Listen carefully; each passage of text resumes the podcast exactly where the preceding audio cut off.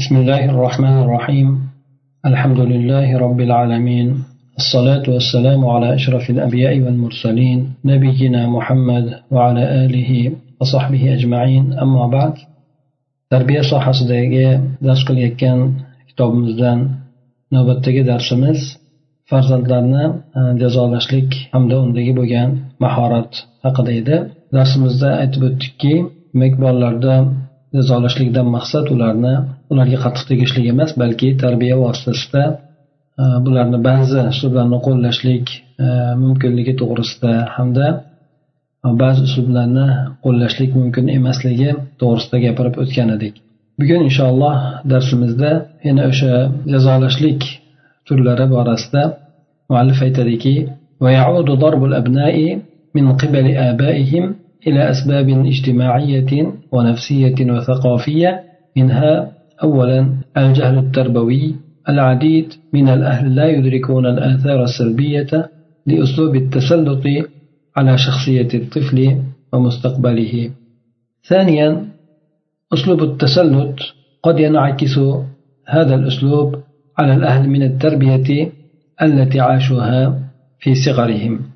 bolalarni otalari tomonidan urilishligi bu turli sabablarga qaytadi bular ba'zan ijtimoiy sabab bo'ladi ba'zan ruhiy sabab bo'ladi. Ruhiy holat ba'zan esa saqofiy o'sha xalqdagi e, saqofat bo'lib o'rnashib qolgan ba'zi bir urf odatlar shunaqa narsalarga qaytadi. Ana o'shalarni jumlasidan misol keltirib aytadiki bu sabablarni mana birinchisi bu tarbiyaviy nodonlik ya'ni tarbiyani yaxshi bilmaslik. Oiladagilarni ba'zilari bu bolani ustidan shaxsiyat nima tasallut uslubi ya'ni ustidan zo'ravonlik qilishlik uslubini bolani shaxsiyatiga ham kelajagiga ham salbiy ta'sirlarini anglab yetmaydilar deydi. Demak bolani ustidan hukmron bo'lib turib buni zo'rlab urib bir narsalarni qildirishlik yoki man qilishlik uslubi bolani shaxsiyatiga hamda kelajagiga salbiy ta'sirlar ko'rsatadi bu narsani hamma ham anglab yetmaydi deydi. Ikkinchidan mana o'sha zo'ravonlik ustidan hukmron bo'lishlik uslubi ba'zan o'zlari yoshligida yashab o'tgan tarbiyadan o'sha oilaga shakllanishligi mumkin ba'zan deydi. Ya'ni bunday uslubni qo'llaydigan odamlar o'zlari yoshligida shunday uslublarni o'zlarini ustlarida boshdan kechirgan bo'ladi. Ba'zan o'shanday bo'lgan holat keyinchalik o'sha odamlarni o'zlariga bu narsa qaytadi hamda ularni o'zlarida shakllanadi. Uchinchi sababi بأن الأسلوب الاعتقاد بأن الأسلوب العنف هو فقط المجدي من أجل ضبط النظام والهدوء في البيت وهو أسهل الأساليب للوصول إلى الهدف قد يدرك بعض الأهل الآثار السلبية لضرب الأبناء فيمتنعون عن استخدامه ويلجؤون لأسلوب التهكم والسخرية العقوبة المعنوية والتي لا تقل تأثيرا على نفسية أبنائهم. رابعا الظروف الاجتماعية التي يمر بها الأهل في العمل والبيت قد يفرغها أحد الوالدين في إطار الأسرة مما ينعكس سلبا على نمو ونفسية أطفالهم. bu zo'ravonlik uslubi qattiqqo'llik uslubi bu mana shugina uydagi tinchlikni tartib intizomni tutib turishlikka foyda beruvchi. Mana shu uslub bu maqsadga yetishlik uchun eng yengil bo'lgan uslub deb e'tiqod qilishlik. Ba'zilarni e'tiqodida bo'ladiki tushunchasida mana shu qattiq ushlab turishlik bu uyda tinchlik bo'lishligini tartib intizom bo'lishligini garovi bo'ladi. Hamda maqsadga inson shu qattiq turishlik bilan qattiq ushlashlik bilan yetib olishligi mumkin deb e'tiqod qilishadi. Oiladagilarni ba'zilari bu bolalarni urishlikni salbiy ta'sirlarini anglab yetadida ba'zan hamda o'shani qo'llashlikdan o'zlarini tortishadi. Ya'ni bolalarni urishlik uslubini qo'llashmaydi. Shu bilan birgalikda bular ma'naviy bir uqubat. Ya'ni masxara qilishlik pastga urishlik kamsitishlik shunaqa uslubiga murojaat qilishadi. Mana shu uslubni qo'llay boshlashadi. Bu esa bolalarni ruhiy holatiga ta'sirida urushlikdan ko'ra oz emasdir. To'rtinchi sabablaridan bu ijtimoiy holatlar. Bu ijtimoiy holatlar ba'zan o'sha jamiyatda ishxonada bo'lsin yoki oilada bo'lsin e, o'sha oila a'zolari ota ona shu boshdan kechiradigan ijtimoiy bo'lgan holatlar mana shu qiyinchilik boshga tushgan har xil ishlar yoki bo'lmasa aytaylik charchoqligi yo boshlig'idan gap eshitganligi xullas kalom shunday bo'lgan har xil ijtimoiy holatlarni ota onalarni birlari oilani doirasiga to'kib soladi. Ya'ni ko'chada ko'tarib kelib oilada o'sha narsani achchig'ini chiqarishadi. Bu esa bolalarni o'sishligi ham hamda ularni ruhiy holatiga ham salbiy ta'sir ko'rsatadigan narsalardan bo'ladi. Demak yuqorida bolalarni urilishligini turli sabablarini aytib o'tildi. Ba'zan shunaqa uslublar qo'llaniladiki bu uslublarni yuqorida aytib o'tilgandek foydasidan ko'ra zarari ko'proq bo'ladi. Endi bolalarga jasad tomonidan jazo berishlikni asoratlari qoldiradigan asoratlari yoki ta'sirotlari أو للتخويف أو للضرب يحاولون الحصول على القوة من خلال الانتقام الذي يوجهونه للآخرين لأنهم يحسون بالعلم وسوف يمارسون كل نشاط يؤدي إلى إيذاء الآخرين. فالانتقام عند طفل الثانية قد يحدث من خلال بعثرة أطباق الطعام وبعد بلوغه قد يكون الانتقام من خلال الجنوح أو مقارعة القيم الاجتماعية. Bolalar ya'ni bunaqangi zo'ravonlikka yoki bo'lmasa qo'rqitishlikka yoki urushlikka yo'liqib turadigan bolalar bular o'sha boshqalarga o'zlari yo'naltiradigan o'ch olishlik orqali quvvatga erishishlikka harakat qilishadi. Ya'ni o'zlari o'sha qo'rqitishlik urush kaltak yeyishlik shunaqa narsaga duchor bo'lyaptimi? O'sha bolalar o'ch olishlik asnosida o'zini quvvatiga erishishlikka bir kuchini ko'rsatib qo'yishlikka harakat qilishadi. Bu o'ch olishlikni esa ular boshqalarga yo'naltirishadi boshqa tomonga yo'naltirishadi yoki. Chunki ular o'sha orqalik mana qo'rishlik yoki bo'lmasa qo'rqitishlik orqali alamni his qilishadi og'riq alamni his qilishadi. Ana undan keyin boshqalarni ham ozor berishlikka olib boradigan har qanday faoliyatlarni qilishlikka harakat qilishadi.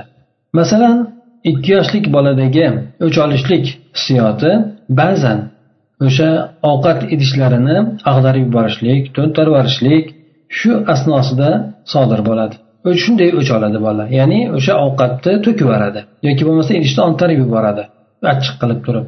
Endi balog'atga yetgandan keyin esa ba'zan o'ch olishlik bu bir narsani jarohatlashlik yoki bo'lmasa jamiyatdagi qadr qimmatlarga qarshi turishlik mana shu asnosida shu orqali bo'ladi ba'zan deydi. Ya'ni balog'atga yetgandan keyin urib yo o'zini yoki birovni jarohatlashlik yoki bo'lmasa jamiyatdagi qadr qimmatlar o'shalarga qarshi turishlik o'shalarni qarshi kurashlik yoki o'shalarni masalan janjallashishlik masalan yoki bo'lmasa shuning uchun aytiladi bu bo'lib qolibdi bu deb aytiladi ha bu har xil so'zlarni gapirishligi yoki bo'lmasa har xil noloyiq bo'lgan xatti harakatlar sodir bo'lishligi mana shu narsa o'sha o'zi yuqorida aytib o'tilgandek bir zo'ravonlik kuchayadigan bo'lsa yoki uriladigan bo'lsa mana shunaqangi ishlarni qilishlikka qo'l uradi. إخصائي النفسي سامي محاجن المحاضر في جامعة حيفا أن تأثيرات العقاب على الفرد قد تتراوح من تأثيرات بسيطة إلى تأثيرات مرضية فمن الناحية الأولى البسيطة قد لا يتعلم الطفل شيئا بواسطة العقاب ونحن أصلا أردنا بالعقاب تعليمه أشياء مرغوبة ومنعه عن أمور غير مرغوب بها وذلك لأن العقاب أصلا معروف على أنه وسيلة لقمع سلوك غير مرغوب به ومن خلال هذا التعريف لا يمكن للطفل أن يتعلم شيئا أشياء جديدة أو ما هي الأشياء المرغوب بها وبالتالي استعمال العقاب يؤدي إلى تقليل احتمالات السلوك بما أنه لا يتم تعليم الطفل أشياء جديدة وإنما فقط قمع سلوكيات غير مرغوب بها o'sha psixologiyani o'rganadigan somiy mahojini degan bu kishi lektor ekan ya'ni hifa falastindagi universitetda o'qituvchi yoki leksiya o'qiydigan e, shu kishi shunday deb ta'kidlaydiki jazoni shaxslarga bo'lgan ta'sirlari ba'zan oddiy yengil bo'lgan ta'sirdan to u bir kasallikka olib boruvchi ta'sirotlargacha shu orasida bo'lib davom etadi. Ya'ni shuni orasida bo'ladi. Mana bir yengilroq bo'lgan suratdagi birinchi tomonni olib ko'radigan bo'lsak bola ba'zan jazo vositasi orqali biron narsani o'rganmaydi. Jazo beriladigan bo'lsa u narsa orqali biron narsani ta'lim olmaydi. Biz aslida bolaga jazo berishlik yo'li bilan qiziqtiriladigan narsalarni unga o'rgatishlik hamda uni rag'bat qilinmaydigan ishlardan ya'ni yaxshi bo'lmagan ishlardan uni man qilishlikni jazo yo'li orqali biz xohlaymiz. Shunday bo'lsada bola demak biron narsani ta'lim olmay qoladi deydi. Sababi nimaga? Sababi bu jazo qo'llashlik aslida yaxshi bo'lmagan xatti harakatlarni xulq atvorlarni yo'q qilishlik uchun vosita ekanligi ma'lumdir. Ya'ni jazo berishlik bolani yaxshi bo'lmagan xatti harakatlardan to'sadi. Shu boladagi shunday bo'lgan narsalarni masalan aytaylik bir yomon ishni qiladigan bo'lsa jazo beriladigan bo'lsa o'sha ishni tark qiladi. Mana shu uslubda bu jazo qo'llashlik holati ma'lumdir. Mana shu yuqorida aytib o'tgan biz tanishtirishlik ta'rif orqali bolaga yangi bir narsalarni ta'lim berishligimiz yoki bola yangi narsalarni o'rganishligi yoki bo'lmasa yaxshi bo'lgan narsalar qaysi ekanligi o'rganishligi mumkin bo'lmaydi. Demak yuqoridagi jazo qo'llashlik bolani yomon bo'lgan xatti harakatlardan ishlardan man qilishlik uchun qo'llaniladigan vosita bo'lgandan keyin bolaga bir yangi bo'lgan narsalarni ta'lim berishligiga olib bormaydi. Shuningdek jazoni qo'llayverishlik bu boladagi turli bir xatti harakatlarni ehtimolotlarini ozaytirishlikka olib borib qo'yadi. Bu albatta bolaga yangi yangi narsalarni ta'lim berishlik tamomiga yetkazadigan ya'ni bolani bolaga yangi narsalarni ta'lim beradigan e, ta'lim bermaydigan ekanligi bilan demak o'sha boladagi har xil xatti harakat ehtimolotlarini ozaytirishlikka olib boradi dedi. Demak bu holat faqatgina boladagi bo'lgan yaxshi bo'lmagan har xil xatti harakatlarni holatlarni yo'q qilishlikka ishlatiladi xolos. Jazo qo'llashlik demak boladagi yaxshi bo'lmagan holatlarni yo'q qilishlikka shu narsa uslubida holatda qo'llanilar ekan. Albatta bunday holatda qo'llangandan keyin o'z öz o'zidan bolani yaxshi bo'lgan narsalarni o'rganishligiga imkoniyat bermaydi ekan. Bu bir tomondan yengil bo'lgan tomon. Ikkinchi tomondan endi. Bundan ko'ra qattiqroq bo'lgan ikkinchi tomoni bor. Bu yerda beshafqat suratda hamda takroriy suratda jazoni qo'llayverishlik ba'zan boladagi bo'lgan yaxshi bo'lmagan nosog'lom bo'lgan xatti harakatlarni namunasini ko'tarilib chiqishligiga olib boradi. Bularni birinchi ko'rinishligi esa bu bola o'z öz o'zidan ya'ni shunaqangi bir xo'rlanib qoladi. Ya'ni bola bir xor odamga aylanib qoladi. Mute bo'lgan odamga aylanib qoladiki mutelik bo'lgan xatti harakat paydo bo'ladiki bunda bolada bir amallarga o'z tomonidan shoshilishligi mustaqil bir harakat qilishligi bolada yo'qolib qoladi. Yana shunga o'xshagan biz bugungi kunimizda bugungi hayotimizda biz hijolat juda bir uyatchan yoki hijolat bir odamlarga kirishib ketolmaydigan deb nomlaydigan narsalarga bu holat aylanib ham qoladi. Bu bola mute bo'lib qoladi. O'zida mustaqil bir e, intilishlik yo'qolib qoladi. Birovlarni oldida bir narsani qilishlikka ham hijolatlanib turadi uyatib hijolatlanib turadi. Lekin mubolag'a bir shaklda shunday bo'ladiki bolada o'zini qudratlarini bayon qilishlik iste'dodi ham qobiliyati ham bolada yo'qolib qoladi. Shuningdek bolada o'zini kuch qudratlariga E, shubha bilan qarashlik tuyg'usi bolada paydo bo'ladi. Ya'ni bola o'ziga ishonmaydigan bo'lib qoladi. Buni sababi esa bola o'sha bir ishlarni bajargan xatti harakatlariga binoan jazolandida shuning uchun endi u bola u narsalarga jur'at qilishlikka yuragi dov bermay qo'yadi. Shundan o'zi bola qiladigan xatti harakatlariga ham shubha bilan. Yana qilsam? Yana yaltakiyman yoki yana e, bir jazolanaman degan suratda bola bir o'z bolani o'zida bir narsalarga jur'at qilishlik degan narsa yo'qolib qoladi. Bu esa o'zini ota onasini rozi qiladigan bir xatti harakatlarni jipslashtirishlikka qodir emasligini anglatadi ya'ni men har qancha qilsam ham ularni bari rozi qilolmayman degan narsada bola orqaga chekinishlikni boshlaydi. Bu demak ikkinchi tomondan yomon bo'lgan hol ta'siroti ekan. Endi yana boshqa tomondan esa تراكم لغضب وخيبات أمل كثيرة التي قد تترجم بحالات معينة إلى انفجار إلى انفجارات عنف وغضب شديدة مستقبلا. هذه السلوكيات قد تصبح أشد مما يؤدي إلى رؤية شخصية سلبية تجاه الذات والأصحاب والأصعب كما تشدد, تشدد الأبحاث تشدد الأبحاث أنه غالبا ما يتحول هذا الطفل المعاقب إلى أم أو أب معاقب boshqa tomondan esa bolani ichki tomonida endi g'azab hamda nomudsizlik ko'plab nomudsizlik bo'lgan holatlari bolani ichida paydo bo'lib qoladi bir tomondan achchiq g'azab bo'lsa ikkinchi tomonda noumidlik muvaffaqiyatsizlik omadsizlik mana shunday bo'lgan tuyg'ular bolani ichida ko'p jamlanib qoladi bular esa muayyan bir holatlar bilan bolada kelajakda o'sha bir zo'ravonlik g'azabni qattiq bir portlashliklariga olib borib qo'yadi. Bola keyinchalik bir portlab shunaqa bir xulq atvorlari keyinchalik yomon holatga aylanib qoladi. Uni sulukiyotlari ya'ni bolani xatti harakatlari keyinchalik qattiqlashib qo'pollashib boradi. Bu esa bolani o'zini zoti ro'parasida bir salbiy salbiy bo'lgan shaxsiyatni ko'rishlikka olib boradi. Ya'ni o'zida bir yomon shaxsiyatni ko'rishligiga olib borib qo'yadi. Doim aytaylik ro'parasida yomon shaxsiyatlar ya'ni o'sha jazolagan shaxsni ko'rib shu narsa bolani ko'nglida e, o'rnashib qoladi. Eng qiyin bo'lgan narsasi shuki buni bahslar ham buni qattiq ta'kidlaydi. Ko'pincha mana bunday jazolanaveradigan bola keyinchalik jazolovchi ota yoki onaga aylanib qoladi. Ya'ni ota onasidan bilgan shu boshdan kechirgan narsalarni u ham o'zini bolalariga qo'llaydigan bo'lib qoladi.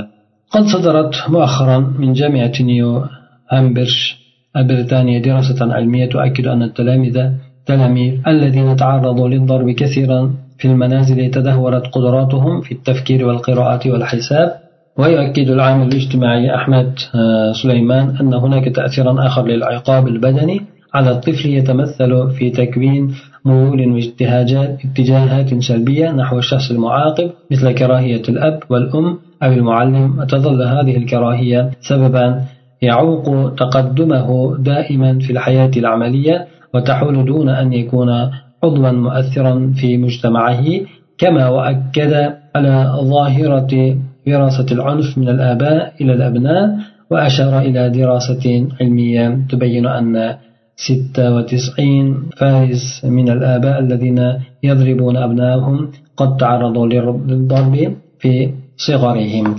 keyinchalik angliyadagi o'sha nyu hembridj degan universitetdan gambir hembridj bo'lsa kerak universitetdan shunaqangi bir ilmiy bir izlanishlik sodir bo'ldiki ya'ni E, bosib chiqarildiki bu shu narsani ta'kidlaydi Ko'p uylarida ko'p o'sha urushlikka ko'ndalik bo'ladigan o'quvchilarni tafakkur qilishlikda o'qishlikda hisoblashlikda bo'lgan qudratlari pasayib ketgan zaiflashib ketgan. E, shu narsa demak oiladagi bo'lgan e, bolalarni ijtimoiy bo'lgan holatlari bolalarni juda qattiq urilishligi bu ularni maktablariga ham o'qishlariga ham qattiq ta'sir qilgan ekan. Yana ijtimoiy bir omil ahmad sulaymon degan odam shu narsani ta'kidlaydiki bu yerda yana bolani badaniga jazo berishlikni boshqa ta'sirotlari bor. Bu esa e, bolada o'sha jazolovchi bo'lgan shaxsga nisbatan salbiy yo'nalishlarni salbiy moyilliklarni paydo bo'lishligida shakllanadi. Bu go'yoki mana otani yoki onani yoki bo'lmasa shu uradigan muallimni yomon ko'rishlikka o'xshash. Mana bu karohiyat esa yomon ko'rishlik bu bolani doimo amaliy bo'lgan hayotda oldinga qarab ketishligiga to'siq bo'ladi hamda bolani o'sha jamiyatida ta'sir etuvchi bo'lgan muassir bo'lgan bir a'zo bo'lib yetishligini oldini to'sib qo'yadi. Shunga to'g'anoq bo'ladi. Yana shuningdek bu zo'ravonlik shunaqangi bir qattiqqo'llikni otalardan bolalarga meros bo'lib qolishlik ko'rinishiga e, shu narsaga yana ham ta'kidliroq bo'ladi. Shu narsani ta'kidlab o'tgan ekan yana. Shuningdek aytadiki shu narsaga ishora qilib o'tgan ekanki ilmiy bo'lgan izlanishlik bu narsa shu narsani ochiqlab bergan ekanki otalari tomonidan ya'ni farzandlarini e, uradigan otalardan to'qson olti foizi o'zlari yoshlik bo'lgan paytida o'sha otalari tomonidan yoki boshqalar tomonidan urishlikka yo'l o'qishgan ekan ko'ndalang bo'lishgan ekan. Demak asosan demak bu narsa merosga o'xshab qolar ekan. Bu bir ota farzand o'sha ota shu qanday bir muhitda yashab o'tgan bo'lsa o'sha narsani ko'proq o'zini farzandlarida qo'llar ekan. Go'yoki shunday bo'lib davom etaverar ekan. Ota bolalarini ursa bola ham ota bo'lgan paytda bolalarini urar ekan shunday bo'lib bu narsa qolmasdan davom etaverar ekan. Shuning uchun yuqorida aytib o'tildi bu narsaga imkon qadar imkon qadar eng oxirgi jazo suratda qo'llanishligi hamda bu jazo suratda qo'llanilganda ham uchtadan ortiq bo'lmasligi bir achitadigan qilib urmasligi bu tarbiya sohasida yengilgina shu uslubni qo'llashlikka yuqorida ruxsat berildi. Lekin umumiy suratda boshqa jazo choralarini qo'llangandan keyin albatta jazo choralarini qo'llashlik yoshda ham jamiyatdagi holatda ham o'sha o'zini holatiga ham shaxsiy bo'lgan holatiga ham bir biridan farq qilishligini yuqorida ham aytib o'tdi. Shuningdek demak e, bolalarni e, jazolashlikda inson juda ehtiyotkor bo'lishlik kerak. O'sha jazo bolani kelajagini sindirib qo'ymaydigan bolani o'sha jamiyatdagi bo'lgan o'rnini pasaytirib qo'ymaydigan faoliyatini kamaytirib qo'ymaydigan shunaqangi darajada bir o'ylab topilishi kerak ekanki bu bolani kelajak hayoti uchun aksincha ya'ni uni qoldiruvchi emas balki oldinga intiltiruvchi bo'ladigan uni yaxshi narsalarni qilishlikka yomon narsalarni tiyilishlikka sabab bo'ladigan darajada o'sha uslublarni qo'llashlik mana shu narsa zarur keraklik bo'lar ekan. Aks holda inson bilmagan holatda bir holatni o'sha jazo tarbiyada foyda beradi deb o'zicha qattiqqo'llik bilan qattiq ushlashlik bilan qilaverishligi bu aks ta'sirni ko'rsatar ekanki bu bilan u bolani kelajakda buzilib qolishligi hamda xatti harakatlari yurish turishlari ham o'zgarib oxir oqibat esa bolani ruhoniy holi ruhiy bo'lgan holatiga juda qattiq ta'sir ko'rsatishligiga ham sabab bo'lar ekan. Shu bilan demak tarbiya sohasida qilayotgan bugungi darsimiz e, shu yergacha inshaalloh bo'ladi. E, demak e, bu bola tarbiyasidagi bo'lgan aytib o'tilayotgan maslahatlarga iloji boricha e'tibor qilinishlik kerak. Albatta bolani shunday o'zini qo'yib bera olishlik ham hamma bolaga hamma bola unga munosib bo'lavermaydi. Shuning doimiy suratda jazo qo'llayverishlik ham yaxshi bo'lmas ekan. Shuning uchun jazo suratlarini yuqorida aytib o'tilgandek o'zgartirib o'zgartirib turishligi hamda bu jazo suratlari nomigagina bir simvol sifatida qo'llanilishligi bu bolani biroz bo'lsa ham o'sha to'g'ri yo'ldan chiqib qolgan o'rinlarni yana qaytarib qo'yishlikka sabab bo'lishligini yuqorida aytib o'tildi سبحانك اللهم وبحمدك نشهد أن لا إله إلا أنت نستغفرك ونتوب إليك. اللهم انفعنا بما علمتنا وعلمنا ما ينفعنا وزدنا علما.